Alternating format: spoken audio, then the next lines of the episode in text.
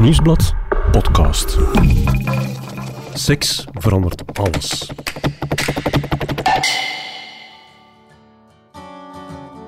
Johnny versus Amber. Depp versus Heard. Zes weken lang beheerste deze rechtszaak tussen twee Hollywoodsterren de wereldpers en werden filmpjes miljarden keren bekeken op social media.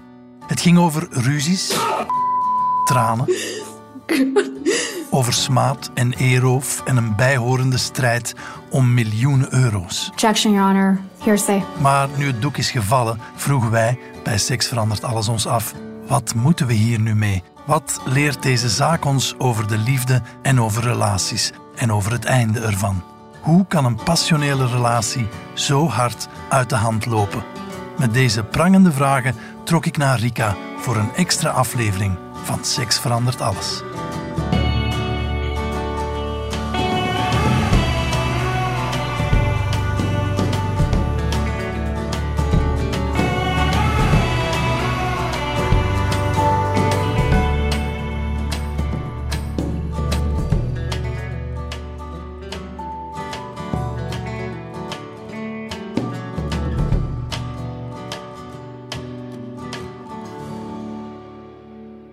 We zitten hier in de studio voor een extra aflevering. We hebben hier de voorbije weken al vaker gezeten, want we zijn bezig met de opnames van ons eh, tweede seizoen van Seks verandert alles. Maar tegelijkertijd liep dat proces dat alsmaar meer ja, het gespreksonderwerp werd. En we dachten, hier is al veel over gezegd en geschreven, maar nog niet door ons. Ja, nog niet met het oog op wat vertelt zoiets over die mensen, over hun behoefte aan liefde en over hun voorbije relatie. En kunnen we er zelf ook iets uithalen? Vooral dat. Ja, ja en dan eh, viel het mij toch telkens op ehm, dat uh, ja, tot op vandaag de analyses die gemaakt worden ehm, heel erg een analyse is vanuit eh, twee kampen. Hè. Je hebt eh, ehm, ja, zo heel sterk vanuit die dader-slachtofferdynamiek altijd opnieuw weer geframed wordt. En ik denk dat dat ook de reden is waarom het zo populair is op al die fora, op sociale media. Ja, het is bijna een soort van ehm, keuze die je moet maken. Ben jij Ja. pro-Depp of pro-Hurt? Mijn kinderen waren er zelfs op bezig op TikTok. Ik denk dat dat letterlijk zo gevraagd wordt. Hè. Ben jij voor dit kamp of voor Ja. dat kamp? Het zijn dan ook nog eens acteurs, dus kan je ook beginnen afvragen, liegen ze of spelen ze of zijn ze oprecht? Wat ik soms heel aangrijpend vond, want uiteindelijk blijven dit twee mensen, los van het feit dat dat dan acteurs zijn en ze misschien ook wel gewoon zijn van op een bepaalde manier voor die camera te verschijnen. Maar ik ben er zeker van dat niemand, ook een acteur, niet via deze weg een vorm van fame eh, hoopt of probeert te zoeken. Dat, eh, dat zou heel cynisch zijn van Ja. het zo te benaderen. Nu, ik zie ehm, dit proces ook maar als een onderdeel van een, eh, een lang relatieverhaal waarin dat twee mensen tot op vandaag eigenlijk blijvend vechten met elkaar. En eh, ik zeg dat heel vaak.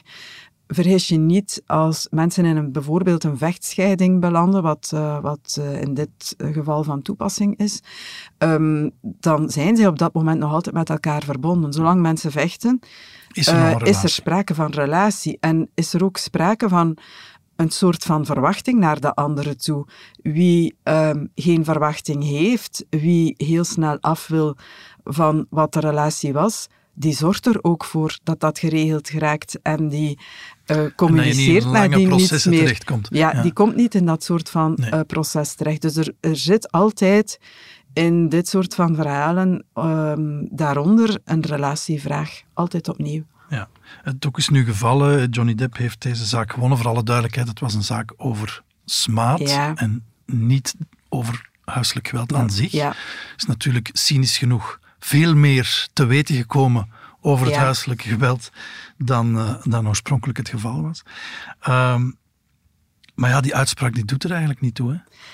Nee, het is maar een, ehm, een tussenstap eh, in wat je als een relatieoorlog bijna kan omschrijven. En Depp heeft deze slag gewonnen, ehm, maar of je dat dan als winnen kan benoemen, eh, vind ik een eh, hele... Dat is eigenlijk geen winst. Het lijkt nu dat hij daar heel gelukkig mee is en dat zal ook wel eventjes zo zijn, omdat het kamp eh mee die euforie voedt. Uh, maar nadien, wat je altijd weer ziet wat uh, nazindert of wat overblijft, is toch een gevoel van verslagenheid, een stukje wanhoop ook. Want ja, laat ons daar ook duidelijk over zijn. Dit is ooit begonnen als een heel mooi romantisch verhaal. Ja. Uh, twee mensen die elkaar graag zagen. En door het via deze weg te beslechten, maak je voor een stuk ook kapot wat er ooit geweest is. Mm -hmm. We gaan het in deze podcast hebben over wat we eruit kunnen leren op relationeel vlak. We gaan dat doen in drie hoofdstukken. en om het eerste in te leiden, luisteren we even naar dit fragment. Mr. was flinging insults uh, left, right, and center, and she then grabbed that bottle and uh, and threw that at me. Was. His, I remember looking around the room. I remember looking at all the broken bottles, broken glass. And I remember it's just not wanting to move because I didn't know if it was broken. I didn't know if the bottle that he had inside me was broken. I couldn't feel it. I couldn't feel it. I didn't feel pain. Johan, eigenlijk, um, als ik dat nu zo hoor, dat fragment, dit zou een, um, een passage kunnen zijn in een, uh, in een therapie-sessie. Wat je zou kunnen horen in je praktijk. Ja, absoluut. Ja. Uh, waarbij twee mensen op een emotionele manier een traumatiserend verhaal vertellen uit ja. hun relatie. Ja. En daar zou je natuurlijk niet afvragen of die tranen wel echt zijn of gespeeld. Nee, en wat de betekenis van die tranen is, dat doet er in wezen ook niet toe. Hè? Want uh, ja, is dat nu omdat ze het op dit moment moeilijk heeft om het te vertellen? Dat weet je in therapie ook nooit. Hè? Heeft iemand veel moeite om het te vertellen? Is het de spanning? Gaat het effectief over um, de, de pijn van het trauma van wat er gebeurd is, uh, die opnieuw naar boven komt? Um, wil men de andere tot iets bewegen? Um, wil zij bij mij duidelijk maken of voor mij duidelijk maken, dit was iets heel moeilijk in mijn relatie? Ik vind dat niet relevant. Het gaat erover dat dit een, ja, een, um, een emotioneel verslag is van iets wat uh, zeer aangrijpend was voor beiden in deze relatie, denk ik. Ja. Maar het is natuurlijk de context van de rechtszaak die ervoor zorgt dat je met die blik gaat ja. kijken. Is dit echt? Is dit oprecht? Ja. Is het gespeeld? Absoluut, ja. Um, als je dat zo hoort, dan is de enige vraag toch, hoe kan het in godsnaam zover komen? Als, als twee mensen mm -hmm. dol verliefd zijn op elkaar, of zo begint het dan toch meestal. Um, hoe komt het zover dat je elkaar uiteindelijk gaat ja. haten, dat je dat soort dingen met elkaar begint te doen? Nu, um, ja, ik denk dat uh, we maatschappelijk nog altijd de neiging hebben om dat te kaderen als een individueel probleem, hè, waarbij dat je dan telkens opnieuw uitkomt bij er is een dader, er is een slachtoffer. Um, en misschien dat het slachtoffer zich dan op een manier gedraagt die maakt dat de dader doet wat hij doet. Uh, maar verder dan dat geraken we daar vaak niet in. En dan, ja, dan hebben we het over een geweldenaar hè, of een, uh, een hysterische, zotte vrouw. Um, dat soort van typecasting. Um, als je er alleen op die manier naar kijkt, dan uh, snap je ook de emotionele logica niet van wat er hier gebeurt of hier gebeurd is of wat er in zo'n relatie gebeurt.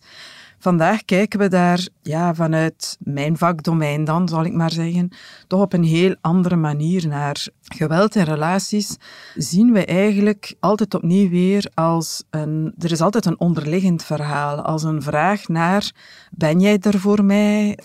Heeft deze relatie nog bestaansrecht? Is er tussen ons nog voldoende verbondenheid? Het gaat altijd opnieuw over de juiste afstand tot elkaar of de juiste vorm van nabijheid. Mm -hmm. Dat klinkt misschien wat theoretisch, maar ja. uh, wat wil dat concreet zeggen? Um, als ik met jou een relatie heb en dat voelt veilig aan, uh, dan wil dat zeggen dat ik het gevoel heb, als ik jou nodig heb, ben je beschikbaar.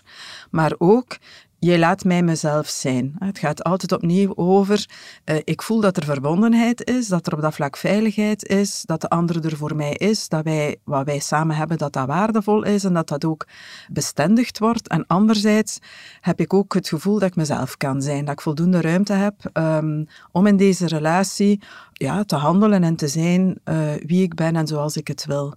De mate waarin dat, dat dan niet lukt, maakt dat mensen ja, in een soort van oerpaniek geraken. Zeker als er sprake is van een teveel aan verwijdering. En uh, ik vermoed dat dat uh, een stukje voor haar het gevoel was, hè, de andere is er niet voor mij, of mhm. ik ervaar afstand, um, of de andere verwerpt mij, of de andere is kritisch naar mij, dan schiet jouw hechtingssysteem in actie. In een soort uh, paniek. Van, in een soort ik heb niet de veiligheid die ik die probeer ik te vinden in deze Ja, relatie. ik heb niet de nabijheid die ik wil hebben in deze relatie. En dan probeer je, uh, ik denk in een beginfase in een relatie, doe je dat op constructieve manier, probeer je de andere aan te halen, zodanig dat er opnieuw een veilig gevoel komt. Hoe kan je dat doen? Um, ja, door de andere te knuffelen, via seks. Uh, er zijn heel veel manieren. Uh, heel vaak is seks zo'n motor. Hè. Ik, um, ik probeer de andere opnieuw te verleiden tot seksualiteit. En als we terug gevreden hebben, dan voelt het terug aan alsof dat we, uh, da, dat we dicht bij elkaar zijn. Naarmate een relatie vordert, zie je dat die technieken om dat gerealiseerd te krijgen vaak ook een stuk destructiever worden. Seks werkt niet altijd meer, of de andere is zodanig boosaardig of kwaadaardig in het afwijzen van mij, dat ik zelf ja, daardoor ook aangestoken word en het op een almaar negatievere manier ga bevragen. Dan wordt dat, ja, escaleert dat richting ruzie maken, roepen, um, maar uh, in opbouw daarvan um, ja, wordt dat op den duur ook met de borden gooien, um, vormen van emotioneel geweld. En het sluitstuk daarin is dan uh, fysiek geweld. Ja. ja. Dus fysiek geweld ontstaat eigenlijk vanuit die hunkering naar nabijheid of naar de juiste afstand. Ja, juist, naar de juiste nabijheid. Ja. Dat is het. Want afstand klinkt dan, eigenlijk is afstand ja, al iets wat je als koud ervaart. Het gaat altijd opnieuw weer over, er is de juiste vorm van nabijheid die voor ons beiden veilig aanvoelt. En dat is cruciaal. Mensen die in dit type van relatie belanden, hebben dat vaak vanuit hun emotionele geschiedenis niet echt meegekregen. Heel vaak hebben mensen al een aantal trauma's vanuit hun eigen achtergrond, gezin van oorsprong, al een aantal dingen op dat vlak meegemaakt, die maakt dat hoe zij liefde en intimiteit hebben ervaren, dat ze daar al een voorprogramma in hebben dat hen uh, hypergevoelig maakt voor bepaalde vormen van afstand nemen, ruimte nemen, waardoor zij het heel moeilijk hebben om die juiste afstand tot elkaar te vinden. Het is alsof dat er altijd ofwel te veel nabijheid is, hè, dat, dat zijn die hoge toppen die ze dan ervaren. We vallen samen, het is heel passioneel, we verliezen ons in de andere. Dus ofwel is er een te veel aan nabijheid, je houdt dat ook niet vol, hè, samenvallen. Ofwel, um, van zodra er een verschilervaring is, komt er dan afstand. En dat ervaart men dan als heel onveilig, is er dus een te veel aan afstand. Het is alsof dat men nooit de gepaste afstand vindt tot de andere om zich veilig en geborgen te voelen. Dus dat is een gehechtheidssysteem dat altijd hyperactief staat. Ja. En dat verklaart ook in zeer grote mate waarom het op deze wijze kan escaleren. Eh, het, het is ook, als ik jou hoor vertellen, veel meer een dynamiek tussen twee mensen dan dat het een probleem is bij een van de twee. Ja, Beiden brengen natuurlijk wel een stuk die gehechtheidsgeschiedenis in die relatie. Dus je start ergens als individu met een bepaalde emotionele geschiedenis. Um, en dan zie je dat mensen twee manieren hebben om om te gaan met hechtingstrauma's uit hun verleden. Ofwel hebben ze geleerd van uh, als er zich moeilijke dingen voordoen in relaties om zich daaruit terug te trekken. Ofwel hebben ze geleerd als er zich moeilijke dingen voordoen om net heel aanklampend te gaan zijn. Het is wat we allemaal doen op momenten waar, um, waar er sprake is um, van gevaar. je hebt zo de typische reflexen die we allemaal hebben. Ofwel vluchten we, ofwel vechten we, ofwel bevriezen we. Mm um, vluchten en bevriezen, dat is die meer vermijdende manier om met, om met gevaar om te gaan. Vechten, dat is die meer angstige uh, manier om met gevaar om te gaan. En als die twee dynamieken samenkomen, hè, één persoon staat hyperactief of maximaliseert um, eh, de problemen in de relatie of de, de gevoelde afstand nabijheid in de relatie gaat daarvoor vechten op een vaak extreme manier. En aan de andere kant is er iemand die de neiging heeft om zich van zodra er zoiets voorvalt, daaruit terug te trekken, in plaats van daarover te praten bijvoorbeeld, of om dat probleem gezamenlijk op te lossen. Ja, dan zie je dat dat, allee, dat is een enorme cocktail. Hè. De ene die vecht voor nabijheid en de andere die er al maar meer van wegloopt. Um, dus die jaagt dat dan nog verder aan. Als ik met jou contact wil. Uh, en ik wil dat heel erg, en dat is desperate, hè, dat is bijna wanhopig dat ik die nabijheid wil ervaren, en jij trekt jou al maar meer terug, verwerpt mij ook, zegt ook van je bent hysterisch, wat je doet, dat klopt mhm. niet. Ja, dan jaag je dat aan. Hè. Dan wordt dat al maar erger, wordt dat al maar sterker en zie je... Dan ga ja, ik dat altijd harder gaan lopen en dan ga je altijd harder, harder proberen. Harder proberen. En dan zie je dat dat eigenlijk een, uh, ja, een, uh, de ideale cocktail is om, uh, om tot geweld te komen, hè, zullen we het zo maar uitdrukken. Ja. Dus daar zit in dat huiselijk geweld altijd nog een vorm van liefde eigenlijk liefde zoals zij dat zien.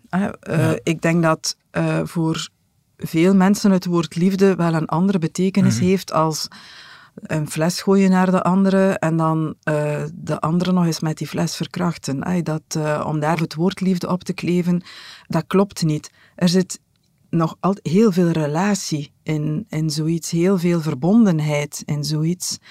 En uh, het is de manier waarop dat zij geleerd hebben dat relaties eruit zien. Vaak hebben zo mensen ook uh, in hun jeugd gehoord van ja, ik ben gisteren wel volledig door mijn dak gegaan. Uh, ik ben heel kwaad geworden.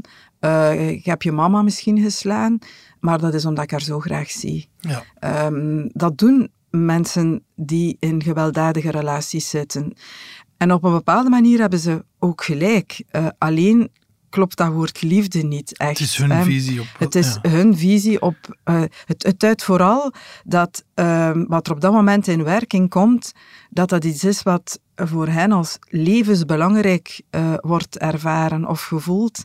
En uh, dat het die diepe drijfkracht is, het verlangen naar veilige gehechtheid, naar verbondenheid met die persoon, ja, dat dat eigenlijk de basis is van wat ze doen. En vandaar ook uh, dat zij daar de term liefde, love op kleven. Ja. Hmm. Als we nu naar het proces terugkijken, dan, dan zien we een Amber Heard die zichzelf nog laat ontvallen dat ze hem nog graag ziet. Ja. Of toch een stuk van hem.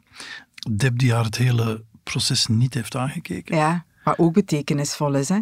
Als je iemand niet kan aankijken, wil dat ook altijd zeggen dat iemand u zeker nog niet onverschillig laat. Maar zie je daar dan ook de, de vermijder en de aanjager in? Ja, absoluut. Ehm, en we weten ook uit, uit heel breed onderzoek dat een relatie waarin een, er een vrouw zit die um, eerder angstig in aanleg is uh, naar... Uh, uh, nabijheid afstand.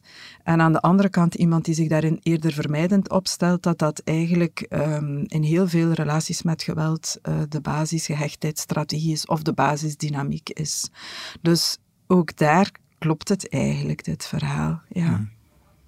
Zijn dat nu verhalen, je zei het al in, in het begin, die, die ze ook vaak in jouw praktijk laten horen? Absoluut. dit is de basisdynamiek in heel veel relaties. Want eh, eigenlijk moet ik aangeven, dat is de basisdynamiek in elke relatie. In elke relatie is er iemand die zich meer aanjagend, angstiger opstelt en aan de andere kant iemand die meer de neiging heeft van bij conflict, bij moeilijke momenten, zich daaruit uh, terug te trekken. En mensen kunnen ook wisselen in de dynamiek. Hè. Als degene die angstig is zich wat meer vermijdend gaat gedragen, dat is eigenlijk wat een gezonde relatiedynamiek is. Als ik met jou samen ben en er is een moment waarop ik het gevoel heb dat jij nogal afwezig bent in de relatie, dan ga ik een poging doen om jou er terug in te halen. Als jij daar goed op reageert, dan hebben we terug een veilig gevoel. Als jij verder afstand neemt, dan ga ik nog harder mijn best doen om je er terug in te halen. Stel dat je er terug in zit en ik op een bepaald moment trek mij terug, dan zal jij automatisch in die positie terechtkomen waarin je de neiging hebt om mij terug te halen. Um, dus dat is de basis in, in, uh, in elke ook gezond functionerende relatie. En mensen die vaak conflicten hebben in een relatie herkennen dat ook heel sterk. Uiteraard escaleert dat gelukkig niet altijd richting geweld, maar ook ruzies zijn een vorm van geweld in een relatie. Um, en uh, aan de basis van terugkerende ruzies ligt ook altijd opnieuw weer diezelfde diezelfde dynamiek van uh, ik ervaar jou als afwezig of ik heb het gevoel dat jij er niet bent voor mij. Ja. En is in een ruzie ook vaak de basisvraag: ben jij er voor mij? Zit jij nog in deze relatie? Of uh, erken mij of geef mij eens wat meer ruimte. Hè? En dan is het uh, eerder een aanvalsruzie waarin dat je de andere stukken gaat terugduwen. Dus aan de basis van elk conflict in duurzame relaties ligt ook altijd weer, uh, en zeker terugkerende conflicten, Ja. dit soort van gegeven. Maar hier heeft het wel echt heel extreme vormen aangenomen. Ja, uh, het gaat waarschijnlijk ook over twee mensen met een vrij extreme hechtheidsgeschiedenis. En dat toont ook al een stukje dat huwelijk, hè, mensen die op heel korte tijd heel passioneel verliefd geworden zijn, heel snel getrouwd. Vaak zie je dat ook um, in dat soort verhalen. Uh, dat zijn bijna sprookjes die ze voor zichzelf uitbouwen. Uh, ze geloven er op dat moment ook in. Dat is een, um, vanuit hun diep verlangen om wat ze ooit zelf hebben meegemaakt, om daar een andere vorm aan te geven. Want wat zit Ja. vaak aan de basis in dat soort van relaties? Ze ontmoeten iemand waarbij ze het gevoel hebben, die heeft een geschiedenis die gelijkaardig is aan de mijne. Dat brengt een enorm gevoel van erkenning met zich mee. Ja. Vaak delen zo'n mensen ook heel veel uit hun, um, uit hun geschiedenis, wat ze thuis hebben meegemaakt. Dat creëert een vorm van verbondenheid. Uh, ja, zo de folie à deux is dat bijna, Ja. waarbij dat je dan het gevoel hebt, die andere begrijpt mij volledig. We vallen samen. En we vallen samen. En uh, doordat die andere mij zo goed begrijpt, gaan wij, hebben wij er eigenlijk een hele magische formule. Mhm. En dat verklaart ook voor een stuk de grote aantrekking uh, die daarin zit. En ook het feit dat in dit soort van relaties je vaak ook ziet dat mensen bij elkaar blijven. Uh, want dat verstaan ook heel veel mensen niet, dat ja, in relaties met geweld, dat mensen vaak terugkeren naar die partner. Je ziet dat in vluchthuizen ook heel veel. Ik geloof dat ongeveer 70% bijvoorbeeld van vrouwen die weggaan uit een relatie of partners die weggaan uit een relatie, uh, die zeer gewelddadig is, richting een vluchthuis, na verloop van tijd Gewoon terugkeren. gewoon terugkeren. En dat is omdat er altijd opnieuw weer het geloof is van, ja, de ingrediënten die wij allebei zijn in deze relatie, met deze ingrediënten kunnen wij een veel betere taart bakken dan die uh, waar wij vandaan komen. En dat is het verlangen naar een herstelervaring ook, Mhm. ja, in de liefde. Helaas in dit geval bleef ze niet samen, of was er uh, Ja. al na 15 maanden een, einde aan het sprookje? Ja. ja, en dan zie je dat, dat plots heel die keerzijde uh, heel sterk uh, op de voorgrond komt. Op dit moment zijn zij nog altijd op de een of andere manier in relatie, maar zijn ze al langer aan het vechten dan dat ze uh, de zonnige kant van de medaille hebben beleefd of vorm hebben gegeven. En uh, ja, het feit dat er was een echtscheiding en het feit dat zij bijvoorbeeld, uh, want daar gaat deze zaak over, zoals je heel duidelijk zei, het gaat over ja. smaad, dat zij in een, uh, in een interview vermeld had dat ze slachtoffer was geweest ja. van huiselijk geweld. Want voor alle duidelijkheid, ze hadden een scheidingsakkoord hadden een waarin scheidingsakkoord. stond dat, ja. daar niet over, hè, dat dat niet het geval was en dat er ook niet gecom over gecommuniceerd ging worden. Ja. En dat heeft zij dan doorbroken. Dat heeft zij doorbroken. Nu, we weten niet wat daaraan vooraf gegaan is. Misschien ook nog berichten van zijn kant enzovoort en zo verder. Waardoor dat je ziet, eigenlijk is dat een ongoing relatie. Dat is een verhaal dat nooit gestopt is. Dat zijn twee mensen die, uh, ja, die uh, de verbinding die er tussen hen is, nooit doorgeknipt hebben. Uh, en tot op vandaag eigenlijk daarmee bezig geweest zijn.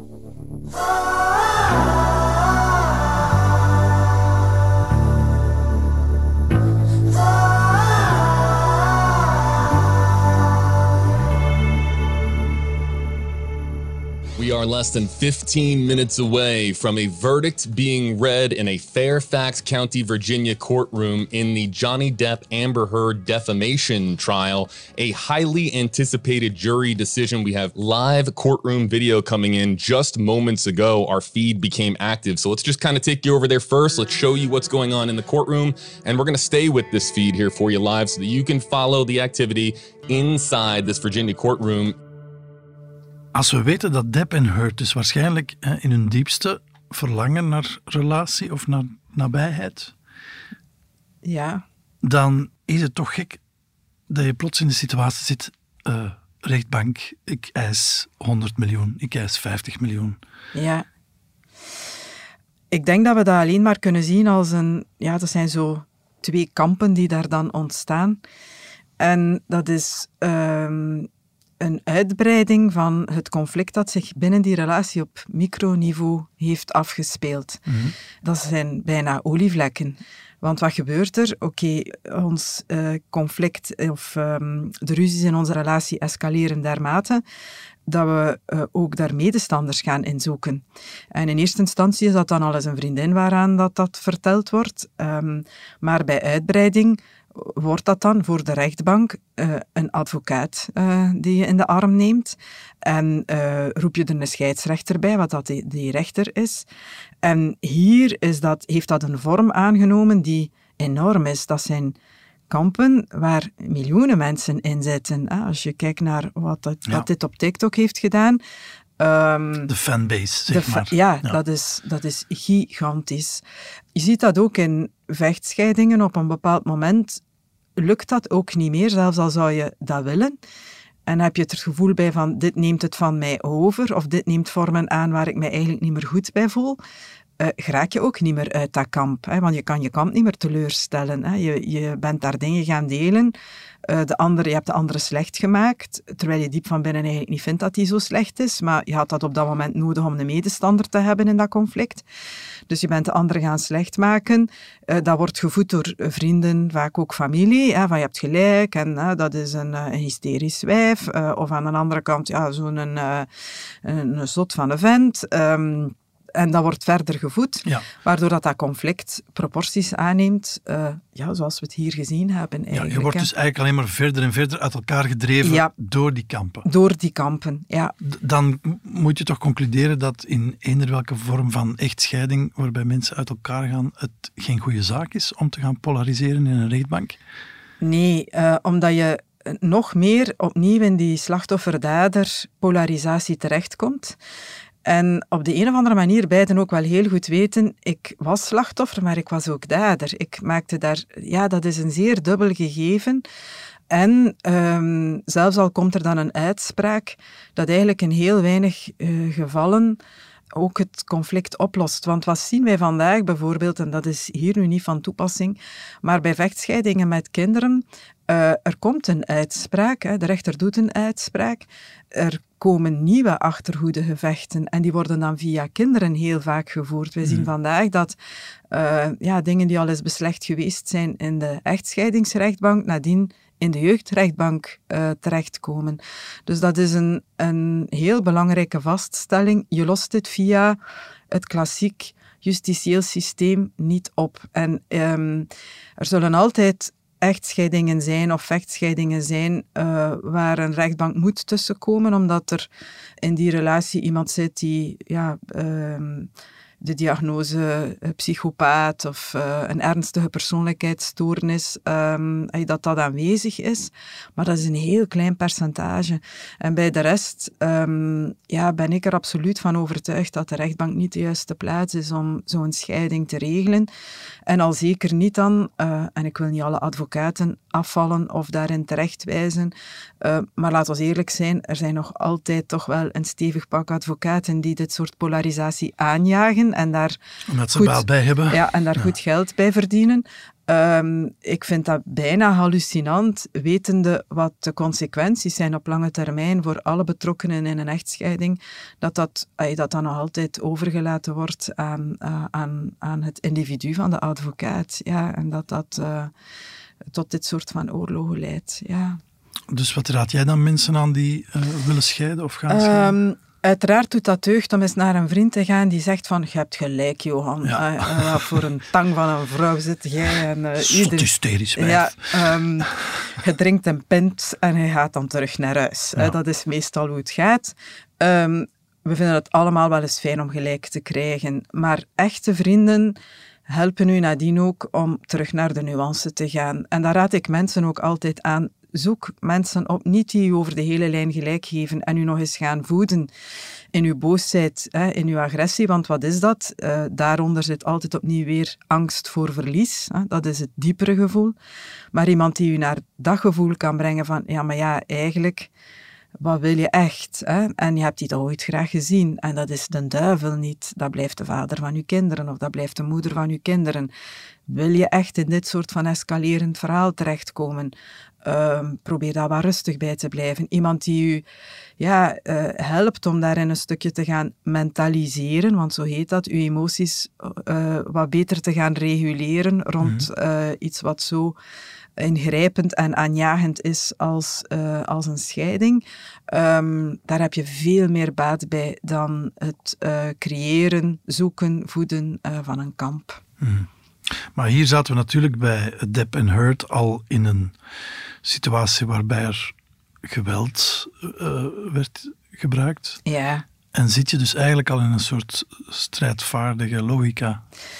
Ja, het was een vechtrelatie. Mm. Dus uiteraard is het een vechtscheiding. Zeg ik ook heel vaak, mensen scheiden zoals ze ooit verbonden waren. Hè.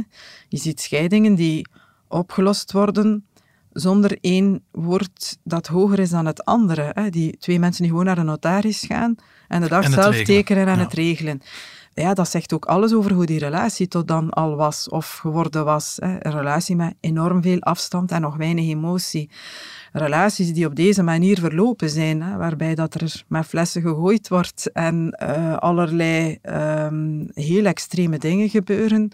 Uiteraard worden die niet in pijs en vree geregeld. Hè. Dat is gewoon een verderzetting van, van wat de relatie was.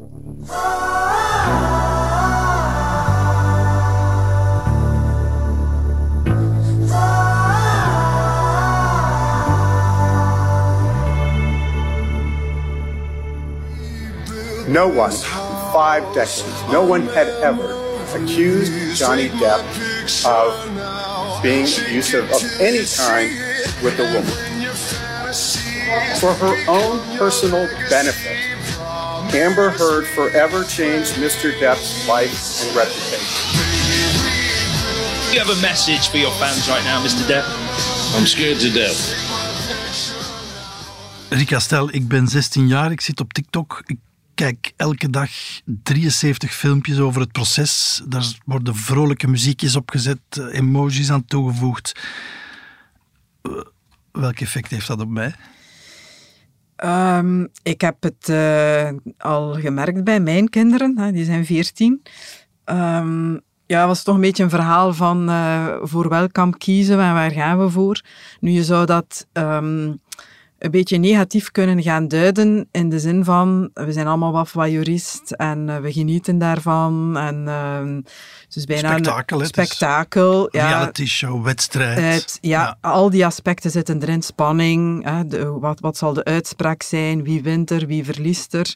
Ik, ik dacht uh, deze week ook nog, het is bijna vergelijkbaar met wat er vroeger in het Colosseum in uh, Rome gebeurde. Mm -hmm. hè, twee strijdende partijen in het midden van dat Colosseum. Daar rond een menigte uh, joelende, mensen. joelende ja. mensen. En dan een keizer die zijn vinger naar omhoog of naar beneden uh, wijst. En dan op die manier het gevecht beslecht. We zijn dus ja, op die manier bekeken geen haar beter dan wat er toen gebeurde. Want dit is ook een vorm van emotionele dood. Hè. Laat dat duidelijk zijn. Dus in een, emotionele um, doodsverklaring vind ik. Wat, Wat bedoel je dat precies?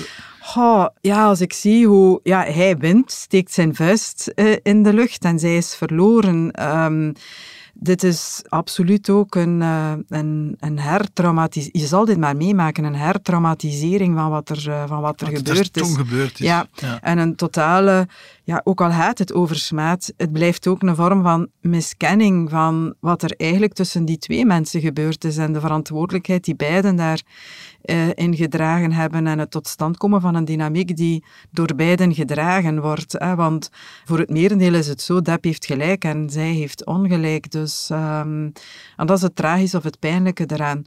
Nu, angst voor ja, moeten we nu zelf zoiets, um, ja, stel dat we zelf zoiets meemaken, kunnen we nog passioneel verliefd worden? Durven we dat nog? Uh, ik vind dat een heel interessante, omdat um, ja, als ik kijk vandaag naar het relationeel klimaat waarin dat wij relaties vormen, onderhouden en ook beëindigen, dan is dat sowieso maatschappelijk gezien een, uh, een veel angstiger context dan een paar generaties geleden. Toen ja, had vroeger je... trouwde je gewoon voor de rest van je leven. Ja. En het huwelijk had toch een heel beveiligend aspect. Ook vandaag kijken wij daarnaar als iets beklemmends. Je moest erin blijven. We duiden dat vaak zeer negatief. Maar het bood ook een vorm van zekerheid, ook emotioneel. Zelfs als ik vandaag met jou een enorm conflict heb, uh, dan is de exit geen optie. We gaan dat binnen dit verhaal opgelost moeten krijgen. Mhm. Vandaag weten we, uh, als ik met jou een heel groot conflict heb, dan is de kans dat je eruit stapt reëel. Dat kan. Dat is, is altijd bestaande. Dat is altijd bestaande.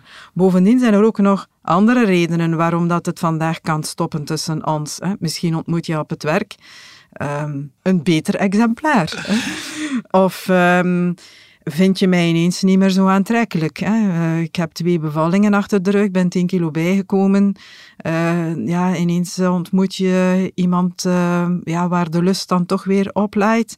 En er is geen enkele verplichting meer om in dat eerste verhaal te blijven.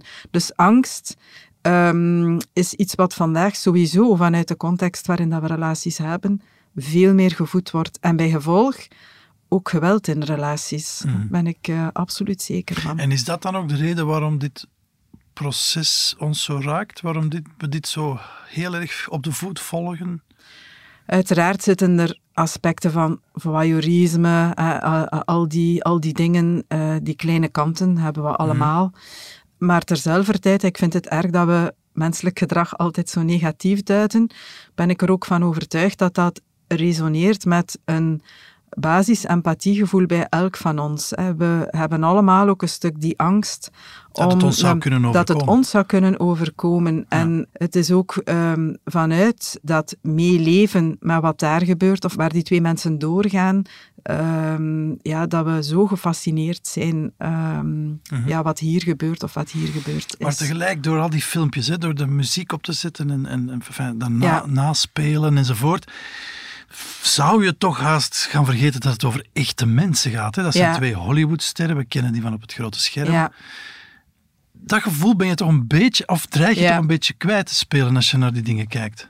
En dat is misschien het spijtige aan deze hele zaak. Hè, dat is dat um, ja, dit proces zo openbaar gevoerd geweest is. Uh, het zou al niet tot dit soort van proces mogen komen, laat staan zo publiekelijk. Dat is op wereldniveau dat zich dit afgespeeld heeft. En uh, ja, het, op een bepaalde manier zorgt het er ook voor. Ik denk voor iedereen die er zelf doorgaat of dit meegemaakt heeft, dat dat ook een vorm van hertraumatisering met zich meebrengt. Uh, je zal maar zelf eens verkracht geweest zijn door een fles, of je zal maar zelf dit soort van huiselijk geweld hebben meegemaakt. Uh, en dan wordt daar bijna een parodie op gemaakt met al die filmpjes. Het wordt bijna voorgesteld als iets waar je mag mee lachen, wat grappig is. Uh, we gaan dat wat uitvergroten. Um, terwijl uh, uiteindelijk het iets diep tragisch blijft. Um, twee mensen die elkaar dolgraag gezien hebben, daar ben ik echt absoluut van overtuigd. Want anders zouden ze niet vandaag daar deze gezeten, strijd deze strijd voeren. Uh, er moet een enorme sprake van aantrekking en symbiose geweest zijn, dat iets wat zo diep menselijk is, zo'n diep menselijke behoefte is, dat we dat op deze manier uh, vandaag benaderen en dat we daar op deze manier mee omgaan maatschappelijk. Oké, bedankt uh, Rika denk dat het toch belangrijk was om ook eens deze stem te horen eh, over dit mediacircus wat het uiteindelijk geweest is. Ja, goed dat, ah, ik vind het echt wel goed dat we dit konden maken, absoluut. Dit uh, was een extra aflevering van Seks verandert alles, een podcast van het Nieuwsblad in afwachting van het tweede seizoen. De stemmen waren van mezelf, Johan Terrein, en van relatietherapeute Rika Ponnet. Dank aan Benjamin Hertogs van House of Media en de productie was in handen van Bert Heijvaart.